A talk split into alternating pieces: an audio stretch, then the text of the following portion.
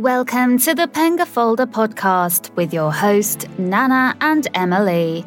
They invest remotely in the UK and live in Sweden. In this podcast, they will be interviewing interesting guests that all invest in the UK property market. Hi, Neil, and welcome to the podcast show, Pengaflöde. How is it? Hi, Nana. Thank you for inviting me along. Everything's fabulous over here in England. And again, yeah, thank you for asking me onto your show.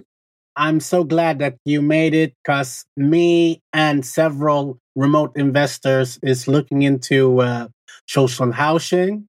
And um, you have been or are a property expert in this area. So I'm going to pick your brain and the listeners, I hope, and the viewers I hope that they will get a lot of value of it. So, who is Neil? Oh, who is Neil? So, very, very briefly, my background when I was, I left school, I joined the army for about 14 years. I was in um, communications engineer. I left that, I set up my own IT company. I had an IT company again for about 12 years where I was supporting primary schools, uh, the police, of some of them, a lot of consultancy work but I was I was kind of in the rat race. I was very working really really hard and having my own business, having staff and things like that. But I was actually in the business, and rather what we teach now is to be working on the business. So I kind of got a bit fed up with it, and I had a letter through the, a leaflet back then through the door from Martin Roberts, Homes Under the Hammer. And if you've seen that program yet, yeah. so I had that come through the through the door. Um, Martin is sitting in a bath full of money, saying, "Come and learn how to to learn from property." So I was like, okay, let's do this. So I went and, and I did my training back then, a long time ago, with them, and then went on the program, very similar to the sort of thing you did and, and guys that you've done, other people you know have done, and aimed for getting financial freedom. So within two years, I bought enough properties to replace my income from from the uh, the IT business. So wow. I stopped doing the IT business, and then I was okay. At that point, the company that trained me asked me if I would become a mentor, a coach, and a speaker, a trainer for them, which I did for about eight years.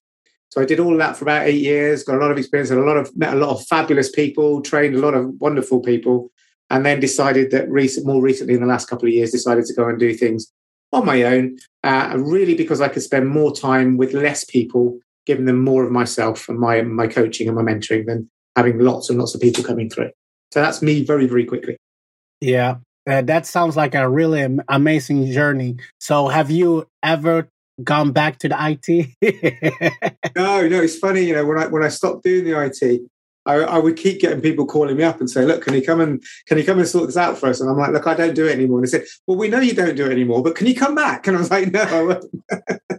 so you you didn't like that environment, but the IT environment was good. Working in, in schools was lovely. You know, there was always tea and cake in the staff room, but uh, it was kind of, uh, but it was a, a, nice environment to work in. But I just was working so many hours. You know, I was getting yeah. up at starting at seven o'clock in the morning, not finishing till sometimes two o'clock in the morning the following day. Ooh. Because I was doing things like you know proposals or logging into people's servers to make sure they were okay. Yeah. I did have staff doing it, but a lot of it was was down to me. So yeah. Yeah. Wow. Okay. Yeah. Then I understand why you left this space. so, as I mentioned in the beginning, social housing. Can you explain what it is? And yeah. Okay. All right. So there are two the two real elements of social housing. There's the the typical scenario where you might have a normal property where you just rent to somebody who's claiming some kind of benefit, whether that's um, housing benefit or universal credit, or there are lots of other benefits they might be claiming. So that's where you're just renting to something like that. Or there's another option where you would rent the property to an organization. So that could be a charity, it could be a, a council, it could be uh, an organization, housing association, where they will take the property from you for a number of, of years and they will then manage it all for you. And all that happens is you get money popped into your bank account every month, which is a kind of a hands off approach, which I guess is much more useful for people like yourself that are, that are abroad. Yeah. Thank you for that. So why does it have a stigma?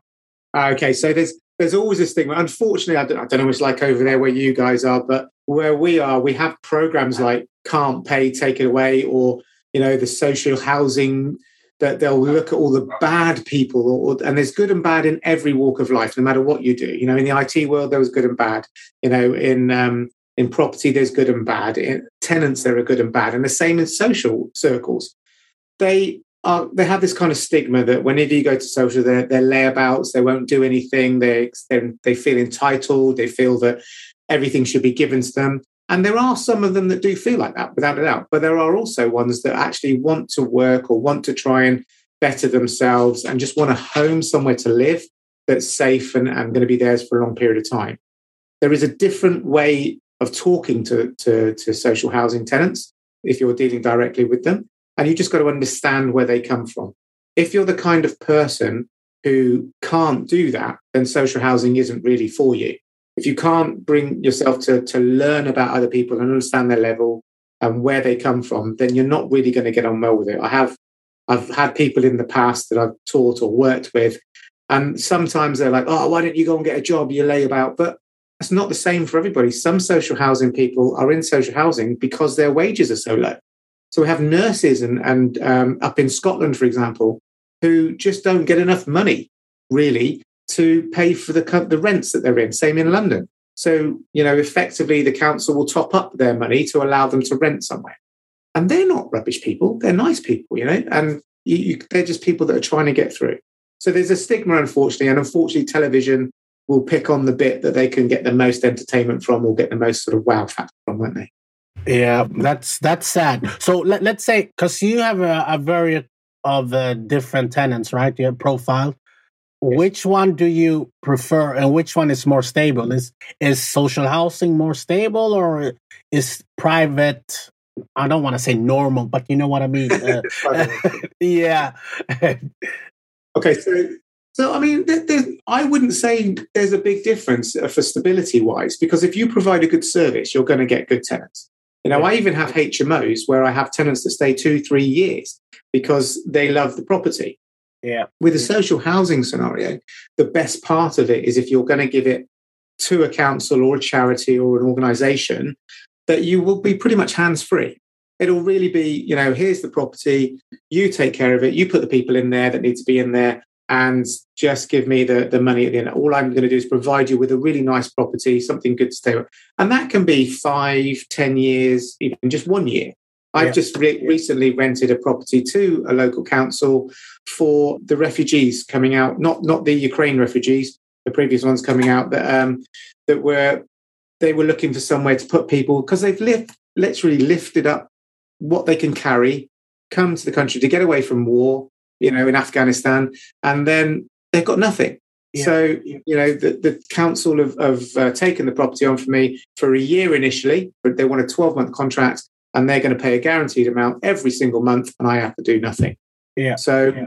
that that that if you're remote would work really well for you. Yeah. If for me it was just you know look I've got this property I can help people let's let's offer it to them. I could get the same rent or more if I did it privately, but I decided that you know let's help let's help some people out if we can. You have a good heart. so what responsibility does the landlord have compared to private rental? Okay, so you have a couple of responsibilities. You must insure the property as normal. So that would be a landlord's insurance for the buildings, the external, anything external or outside of the property, windows, roofs, any damage like that. You've got to have that insurance in place. And insurance for social housing is available as normal insurance for buy to lets. And you have to still, if you are providing a property that has a gas appliances, there is still the reliance on the landlord to make sure that that gas safety is done every year. So there's an inspection of the gas appliances in the property every year. Now, your council or your organization may take that responsibility off you and do it for you, but you as a landlord are still legally bound to make sure that's done. There's also new recent rules on electrical safety. That's got to be done every five years. But that's about it, really. And that's your that's your responsibility. But you would do that anyway. Um, yeah. Yeah. So why is it hard to get lending? Ah, that's a good question. I so I, I, I knew you were going to say it's not anymore. It used to be, mm-hmm. and it mm-hmm. used to be very difficult, and there'd be maybe one or two providers in the in the um, market. But there are now 10 or more that are out there that openly are happy to, to provide lending on the social housing scene. We have a great broker over here in, in uh, Chippenham who's got about 12 people, a guy called Wayne Gray. And he comes and talks at some of our events and he says that he can get at least 10 providers wow. offering social housing. They are a little bit picky about the tenants sometimes. So they might say, we, we don't want perhaps rehabilitation from jail, or we don't want people that have uh, drug addictions, or we don't want people that are arsonists. So sometimes, you know, of those 10, one of them might say, well, I don't want this type of tenant. Well, that's yeah. fine. Then say, well, we'll give you the property, but you can't put these type of people in there. And that's that's okay. Why do you think the, the attitude has changed? Oh, there's so much more responsibility on governments now. There's so much more demand and, and requirement for social housing homes. There are even brokers coming into the market now that are brokering between you, the landlord, and the and the association. So oh, they're wow. coming to, you know, they're approaching. I've been approached so many times by brokers now saying, Have you got a property? We'll take it off you for five years, guaranteed, sort of thing.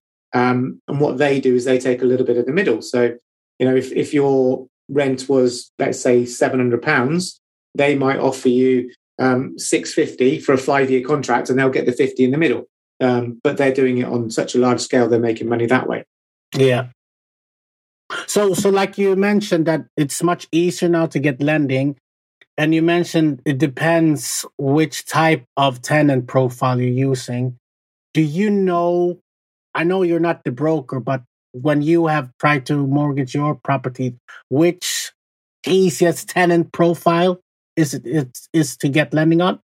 I think it, it, it is really, really independent. I don't think there's any one that's worse than the others. Really, I really don't. There used to be, you know, actually, if you're doing things for people that are seeking asylum of some sort, that's very, very easy to do at the moment. Very easy to get lending on those kind of things. The problems come when they don't want perhaps someone that's uh, more so, perhaps the British um, tenants that are more so people that have maybe arsonists are one big one because they don't want someone who's been, you know, been involved in setting fires in their property because it's kind of like, well, hang on a minute, we don't want someone that might just set fire to the place, you know, and completely trash it. So they're a little bit hesitant from that point of view. But um, really, I don't think there are any. It, it changes, and it's the same with any mortgage. If you talk to the broker, you can say, well, you know, what kind of tenants are we having problems with? You know, but uh, you know, there, there, are all sorts of all sorts of charities out there that are looking for all sorts of all sorts of um, accommodation. Yeah. Okay.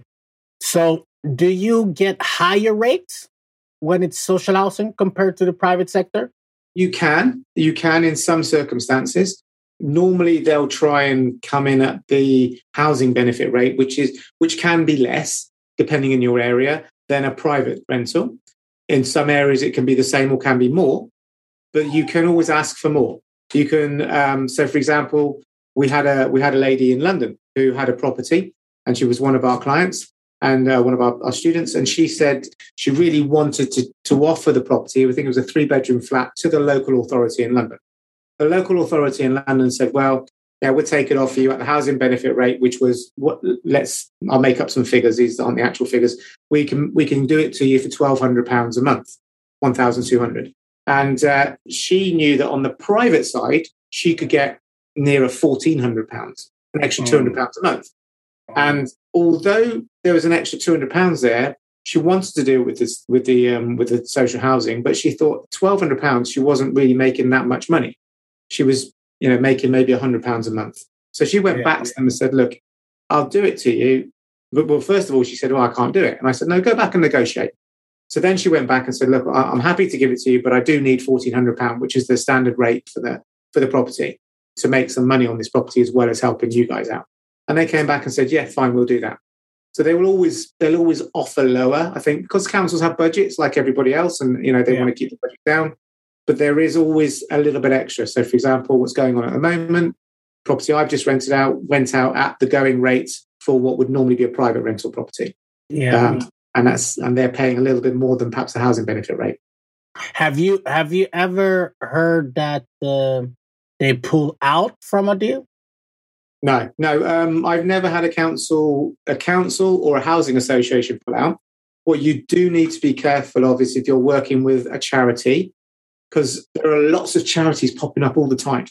And you need to research them and make sure they've been around for a longer period of time. Because you get in in UK, you do get things like they they may set up a project for 12 months and say, right, we want to help this type of person for 12 months. It yeah. might be it might be uh, young children that are leaving care. So we want to help um, in this area children that are leaving care. So we're going to put some money into this pot for 12 months to, to do that. This is a project and it's a kind of a pilot project. Yeah. Now, at the end of that 12 months, there may not be any more funding. So they may say to you, we'll take your property for you for two, three years. But the questions you're going to be asking is, okay, so what happens in a year's time? Are you funded fully? And they'll say, no, we've only got guaranteed funding for a year at a time. We have to reapply for the funding next year. So that might be more mm. risky. You might say, well, okay, well, I, I don't really want to jump in that boat, or we'll do it for a year um, where you've got yeah, funds, yeah. but then, you know, realize, realize we may have to put it on, on, on you in a year's time if you don't have funding. Yeah. So you've got to research them really. You've got to see there are places in England where you can check on Companies House where you can how long have the company been there. You can ask if they're a public body. You can ask for their accounts. Um, you can ask the, these questions. They won't they won't hide. If you say how long have you been doing this, and they say we've only just started. We've been doing it a few months. Then that's when you start asking the questions a bit more. Yeah, that was a great tip.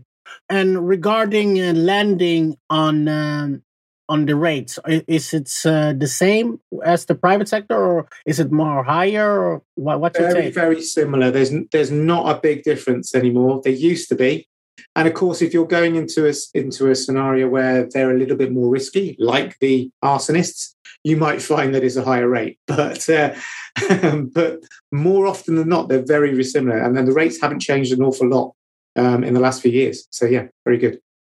So could you could you explain the difference like DSS and universal credit and like okay. a council contract? Uh, yeah, if it's all right. So DSS is a very old term and it stands for housing benefit students. It was uh, housing housing benefit tenants, and it's a very old. So DSS was the original term that then became housing benefit, but DSS has been around for a long time. So sometimes you'll see in adverts um, accept DSS tenants, or you know, um, they don't tend to use the word housing benefit. It's just a very old term, and that basically just means that if I was a DSS tenant, that I have been assessed, that I am allowed a certain amount of money each month from the government to help me live.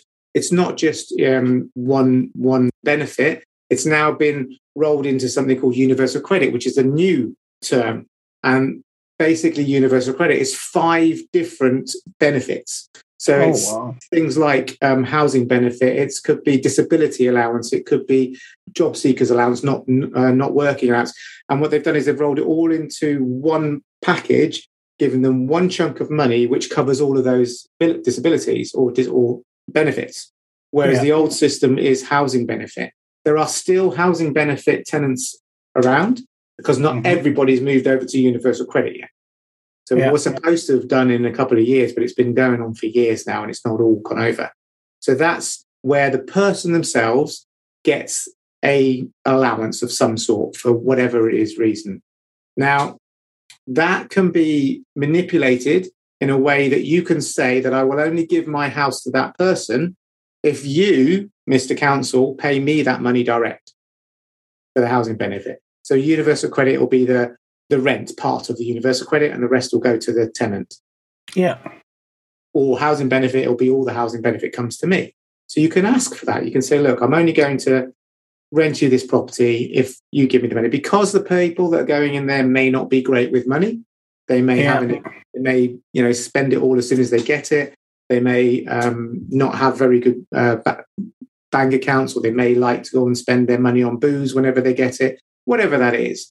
Yeah. Um, ask for various reasons. I've got one lady who's only in her 30s and she's had a stroke and she oh. struggles she struggles to read. So she she's okay, but she she's lost sort of vision on one side of her face and a little bit of movement.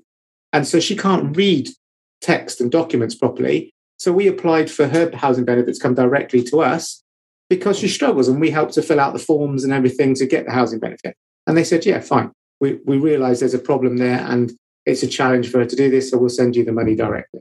So you can ask for various reasons. Okay. And what is FRI? FRI, fully repaired and insured leases. So this is where you would give your property over to an organization. And it is a commercial contract, effectively. So instead of a tenancy agreement, you have a commercial contract, which is a contract between you, your company, and their company or their organization, where in that lease, or you will be saying, I want you to fully repair anything that goes wrong, anything, any damage that's done, any painting, any carpets that get damaged, anything that happens in that property has got to be fully repaired by you when you give it back to me. You've also got to insure everything in, in the property against any damage. So um, you have malicious damage or accidental damage. Should the tenant drop something um, and and you know there's uh, or they put a nail in the wall and the pipe bursts and everything gets wrecked inside they you want them to have the insurance to cover that. So that's what that means and that can all be written into the contract. Yeah. And and and i mean as you you have several of these and you've done it several years and do you tend to find that you get it back like you gave it to them or does no. do they? the, reality, the, reality, is no. What happens is, um, so, so there's a couple of things going on, but I'll, I'll tell you why. So, so first of all, um, every so many years, the companies or the organisations have to rebid the tender to the government to have that contract. So, there's a company called Serco and there's a company called Mears. Now, they're two big organisations, social housing organisations. Now, you may have a contract with Serco, and you've taken a contract with Serco for five years. Serco are fine. They've got the contract with the government to provide housing, so they've, they're filling their fulfillment. But then after five years, they've got to resubmit a tender to have another five years. And so Serco putting in to the government, well, we're going to take it on. We're going to, we want this amount of money to take this contract on. But at the same time, Mears come in and they say, well, we want this kind of money to do the same job. And so the government might say, well, we're going to go with Mears now.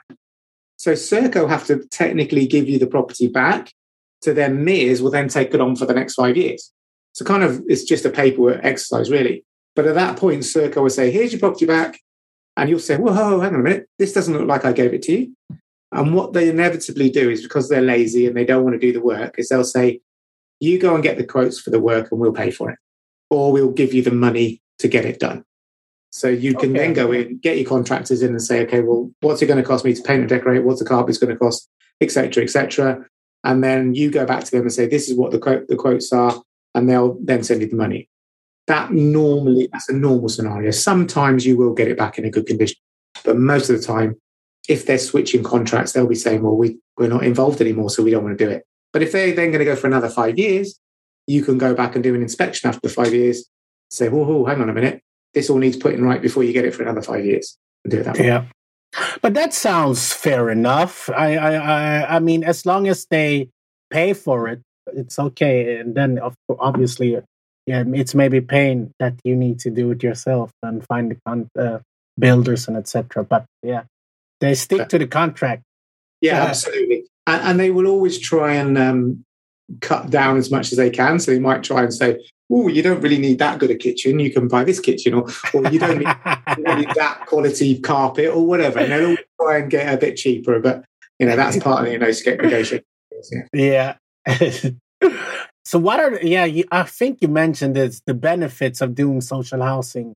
You you said that it's it's much easier uh, yeah and you just give it to to organization or yeah. university so which do you prefer? Gosh i i you know i've had i've had experiences all of them and actually neither neither is is my preferred te- i mean going di- privately or going directly to, to councils directly is obviously a lot less trouble, a lot less, not trouble, but a lot less involvement. So I don't get calls from a, a letting agent to say, oh, we need to, we need to fix this. We're going to charge, it's going to cost you this. You know, you don't get that from a, from a council scenario. They just go and do it. If there's a problem, they'll do it. You don't ever have to go and visit for five years because they don't want you to, because they may be putting in vulnerable tenants they may put people in there who are a little bit worried about strangers and things like that. So, from that point of view, it's a lot easier. It's a lot more straightforward. It's a lot safer as well for you as, a, as an owner. But at the moment, the housing market and the rental market in the UK is ridiculous. Absolutely ridiculous. Here's an example for you. I've got a room that's just come available in one of my HMOs. Now, in our area, normally 550 is about right for a room in a HMO for a double room. So I've I've rented that out on the agent's suggestions for 615 starting in April. And we found out that there's a couple of people. Now we put it on the market to, to rent and there was 10 people inquiring within the first hour. And during that time the agent was speaking to a couple of people that came around to look at it and one of the guys said you know i went to look at a room and it started at 600 and when i came back the guy said it was 700 he, he said you know he says there are so few rooms and so but that some landlords are being a little bit naughty about it and they're, they're pushing it up much much higher than they should what we try to do is give it for market rent, slightly just below market rent. Ours is six fifteen because it's a, a couple going in there, so we've, we've charged a little bit more, an extra fifty pound a month. But um, other than that, we were at five eight five, which is around about the right place for us. You know. Wow. Yeah, that's that's. uh I've also we we're having we're doing two refurbs at the moment, and we spoke with the letting agent first in September, and when we we purchased the property, they they said uh, 700 and then now when we spoken because we're like in the end they're like yeah you can get like maybe 800 uh, 8 850 and and, we, and me and my fiance we just got amazed like wow yeah. the, the market is is yeah. It is ridiculous here at the moment. It's just absolutely ridiculous. You can almost ask for whatever you want if you wanted to and you would probably get it. Uh, what has, has happened? I mean Brexit happened, the COVID happened, and, and a lot of EU people left. So how can this boom just, you know, like people have reduced, but still the market is just going up? It's, well, we're, we're coming out of uh, we're coming out of sort of a, a, little bit of we're seeing a little bit of recovery. A lot more people getting a lot more jobs. There are a lot a lot of jobs around now. Not as many people around to fill those jobs in certain industries, but also there's not that many properties available. A lot of landlords um, or potential investors are finding it difficult to find properties that are that are selling that are on the market because people just aren't putting them up. You know, before people would sell and move on to another job somewhere else, or they would sell up because they didn't want the property anymore. So now they're just holding it and they're saying, well, you know, I might as well hold on to it because I'm so uncertain about what's going to happen we're going to we're going to hold on to it. So that's why the, the, demand is there, and there's not. It's always time when there's not much supply and the demand is there. You can always the, the prices will go up, but it's about being sensible because what you don't want to do is go and take silly amounts of money because then suddenly when a lot more properties do come on the market in a year or two's time, you'll be the first one people will leave. Oh, I'm not staying here; it's too much. I'm going over there, sort of thing. You know? Yeah, yeah, that's true. So, uh, getting back to uh, uh, social housing. How can you safeguard yourself from getting paid on the different social housing uh, organization? Okay, well, so you're you're very safe if you're going with a the council or a social housing provider. They're all not for not profit organisations, so they have to be registered as charities and they have to be registered as a social landlord. So they have to meet certain criteria. Some of that criteria is that they have a certain amount of money in the bank all the time, but they're there solely to provide accommodation for people and they will have a contract with the government. And if you're with a contract with the government, your money's pretty much safe. It's so safe that you're not going to lose out on it. So down that route, um, you know that, that there isn't really much you could do. I wouldn't even. I don't even take out. You can take out landlord's insurance on some of these things, so you know that you guarantee you get your rent if it's not paid. Don't need to with councils. It is literally guaranteed money. And the people that work in councils and housing associations are really nice people as well. They're really friendly and they're really they're really um, approachable. You can you can work with them quite comfortably. So for the one that I've just done, they were a little bit late paying the rent one of the months. I literally phoned them up and they said, "I'm "Oh, really sorry, we just had a, a restructure in the department. There's a different people working with that. We'll get that paid to you now." And it was literally that was it. It was paid straight away. It was a couple of days late. That was all.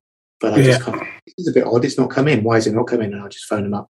So I would not worry if you can get something like that. And nine times out of 10, you will get an extension every time because they're going to need it. You know, there, I know people that have had um, housing with housing associations that are 20 years into it now. Wow. 20 years without anything to do other than yeah. gas safety cert and things like that. Yeah. So uh, you mentioned the council. How do you get in contact with them and We Like, do we, we do the this on- process. Yeah, we do this on the training day. It's kind of Ah, okay. there, there- there is there is a, a whole process, and there are councils will prefer to work with certain individuals. They'll prefer to work with certain organisations rather than individuals. But there is a way to just you know keep knocking on the door. And what we basically say is you just keep you keep knocking on the door because when you first pick up the phone to an organisation and say, "Hi, I've got a property. I'd love to rent it out to you guys for four or five years, whatever it is you want. Is this something you're interested in?" Not of the time you get you don't always get the person that deals with it. So they'll be like, "Oh, we don't do that kind of thing here," but you know they do, but not that person doesn't know about it. So you then say, "Okay, all right. Well, can I speak to a different department?" And you go to a different department, ask the same question. You have to kind of go around the houses Mm, get to the right person to eventually get to the right person. But it is every council does it, whether they outsource it to an organization to do it for them or whether they do it themselves in house, they all do it. What their demand is, is what you need to find out. So in small rural areas, you might not have as much demand as you would in a t- big town center. Yeah. So regarding the rents, does that go up every year or how how yeah, how does it work? Okay, so the government does do a review every every April or pre-April, and they do tend to put some of them up. So for your benefits, for your housing benefits and your rates, you'll have one you know, shared room, one bedroom, two bedroom, three bedroom, four bedroom is the most they go up to. And what they might do is they might they might look at it and say, well, we need to put up the two bedrooms and the three bedrooms, but we're not putting up the one and the four bedrooms. So Mhm. they don't put it across the board, but they do put them up wherever they think the demand is most needed. So for, if, they, if they've got a massive demand for two bedroom houses and there isn't many people allowing them to have it because their rents are lower, that, that will be the increase they'll do so that people will be able to get into it. But every year it gets reviewed and every year I've had an increase of some sort because I've got one, two and three bedroom houses. So Yeah. somewhere I've always had that little increase. Yeah. And, and which one do you think work best of the bed? Uh, one, two bed, three beds. without a doubt, one bedroom flats or properties are the biggest demand. So, single housing benefit people, mainly males, a lot of males, or a mother with a child, those are in massive demand. And you, you get Mm. calls all the time for those kind of properties. So let's say then maybe a block of flats with just like one bed and then just rent it out to a social household would be Yes. very beneficial. Huge, yeah, you get huge amount of demands for that, without a doubt. With the, you know, I've got a letting agency that I've, I've owned down in uh, Swansea, and that agency gets calls every single day for five or six people saying, "Have you got any one bedroom flats? You got any one bedroom uh, properties for us?" Every single day, at least four or five. So Wow. yeah. Wow. Yeah. Okay. So uh, when you're doing a calculation compared to private uh, rental, what should you add? Okay, so there is a there's a website and there's a there's spaces you can go and find out what the housing benefit rate, rates are. So if you're going to buy a property, for example, and you're thinking about going to an area, always look at what the social housing rate is first and do your figures a bit against that because no matter what happens, you will always get a housing benefit tenant in. You will always be able to rent out to that type of that type of demographic, that that type of person. And that's where we would kind of base our figures on. We then might say, okay, well, there's a big gap between these two. Well, we might talk to the, the council or to the charity and say, you know, are you interested in this property in this area? And they might say, yeah, we are. So well, you do realise that we can get, you know, fifty pound more a month if we go with with a, a private rental. Is that something you can do? And they might say, well, let me go and talk, and we can probably do that, or we can come up a little bit higher, whatever. Yeah. And do you- should you have in your spreadsheet like Mo? Uh, you, I know Yes. you mentioned insurance. If you're, Is there if you're anything going, else? if you're going directly to a council, you don't need agents fees. So you've got rid of that straight away because you, you know, your 10, 12%, whatever you're paying an agent, that's straight back and So if you're getting slightly less housing benefit, let's say three bedroom in Swansea, for example, is £500 a month. But if you're doing to a private tenant, you might be getting 550. But you're paying 550 and then you're paying 10% for your agent's fees. So actually, you're only going to get five less than 500, 495 for that. Whereas if you go to a council at 500, you're going to get all of that 500. So you're actually going to be a little bit better off, even though Yeah. the headline figure seems lower. Yeah. So you won't have agents' fees. Mo is something that I always keep because, you know, if the boiler goes wrong or if there's something like that, you probably will have to get that repaired yourself. Yeah. It's not something the council are going to replace a boiler for you. You've put the boiler in, it's something that you've put there. If it's a very old boiler, then maybe that you need to repair it or pay, pay for it to be done. Do you keep the same percentage rate on a private and uh social housing? But let's say a mo on a ten percent on a private. Do you maybe put five percent on social, or is you keep the same? I keep the Mo the same. I keep the Mo the same. The, be- the thing that disappears is the agent's fees. Yeah. And people that don't know, know what mo is, it's ma- maintenance. It is yeah, maintenance, miscellaneous, other expenses, or um, there's various things. But it's basically a maintenance fund, yeah. And I always, I always say to people, create a, or have a separate bank account that that goes into, so that Yeah. you know ten percent of your rent's going into there every month. So if something comes up, then you don't have to think, oh my god, where am I going to get that money from? Now, a boiler, two, three thousand pounds. Yeah. You know, suddenly your boiler goes pop, and the plumber comes in, engineer comes in, and said, "Oh, you need a new boiler. It's going to cost you two, three thousand pounds. If you've been saving your fifty pounds a month from your properties, then you've got a good chunk of that there straight away. So it's not so painful. Yeah. Yeah. Are there any more benefits with social housing that I have missed? I don't think so. I think um, that the only other thing we haven't talked about is about your personal feeling about giving back and helping others. I think that's the that's the the biggest benefit there. If you're someone who has maybe had to be in social housing at some point or had some help with your accommodation or you've not had a home and you want to help um, certainly with um, any of those kind of elements or people that are have some sort of difficulties then it does give you the opportunity to help those people as well as you still making some money as a business. So you're a business you're, you're getting some uh, money coming in but you're also helping somebody else in society. So that's the major benefit if you're from that point you're looking at that Yeah. point some people just look at the money and that's fine that's what they want Everybody wins Yeah. in, in the end of the day. Yeah. Yeah. Uh, yeah. I totally agree. So, as I mentioned, I'm a remote investor, and majority of the listeners and viewers are also. What Yeah. obstacles can occur when doing it remote? So remotely, you really do need a strong power team, a strong set of people on the ground, or a partner of some sort, somebody that you have. I mean, obviously, from an investment point of view, you're better having an English person or a UK person on your company to help you get lending. But also, you want somebody that's that's in the area that you're investing that you can you can really trust. That might be a really good letting agent. That might be a really good person to, to project manage things for you or to look after things for you because that's really important and like everything you've got to research that you've got to check check up on people you've got to make sure that they do what they say on the tin i have a i have a lady at the moment who has bought a property which i won't say where in case anybody hears this but she bought a property somewhere with a with a promise from a guy that he was going to do everything for her and get it rented out on a five year contract through for her at a certain amount of money that guy was not doing what he said he was going to do. And it was three months since the refurb had finished and he hadn't done anything. And he wasn't replying to her. So I, I pretty much said to her, right, we found another person, another organization that's doing the same thing. Let's go to them. So she gave him notice to say, I'm leaving you. I'm off to these other people. And within two days, he had, ten, had it full of tenants and was paying them so, so um, he was, and of course, she was she was remote. She was she's based in a different part of the country to this part of the country. So he was kind of just being lazy and so I'll do this when I feel like it.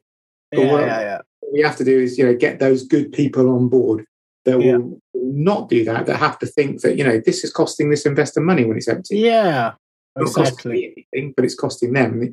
And you need someone like that. He had the whole team, so he did everything for her, but he was a bit lazy. And, and He was lazy.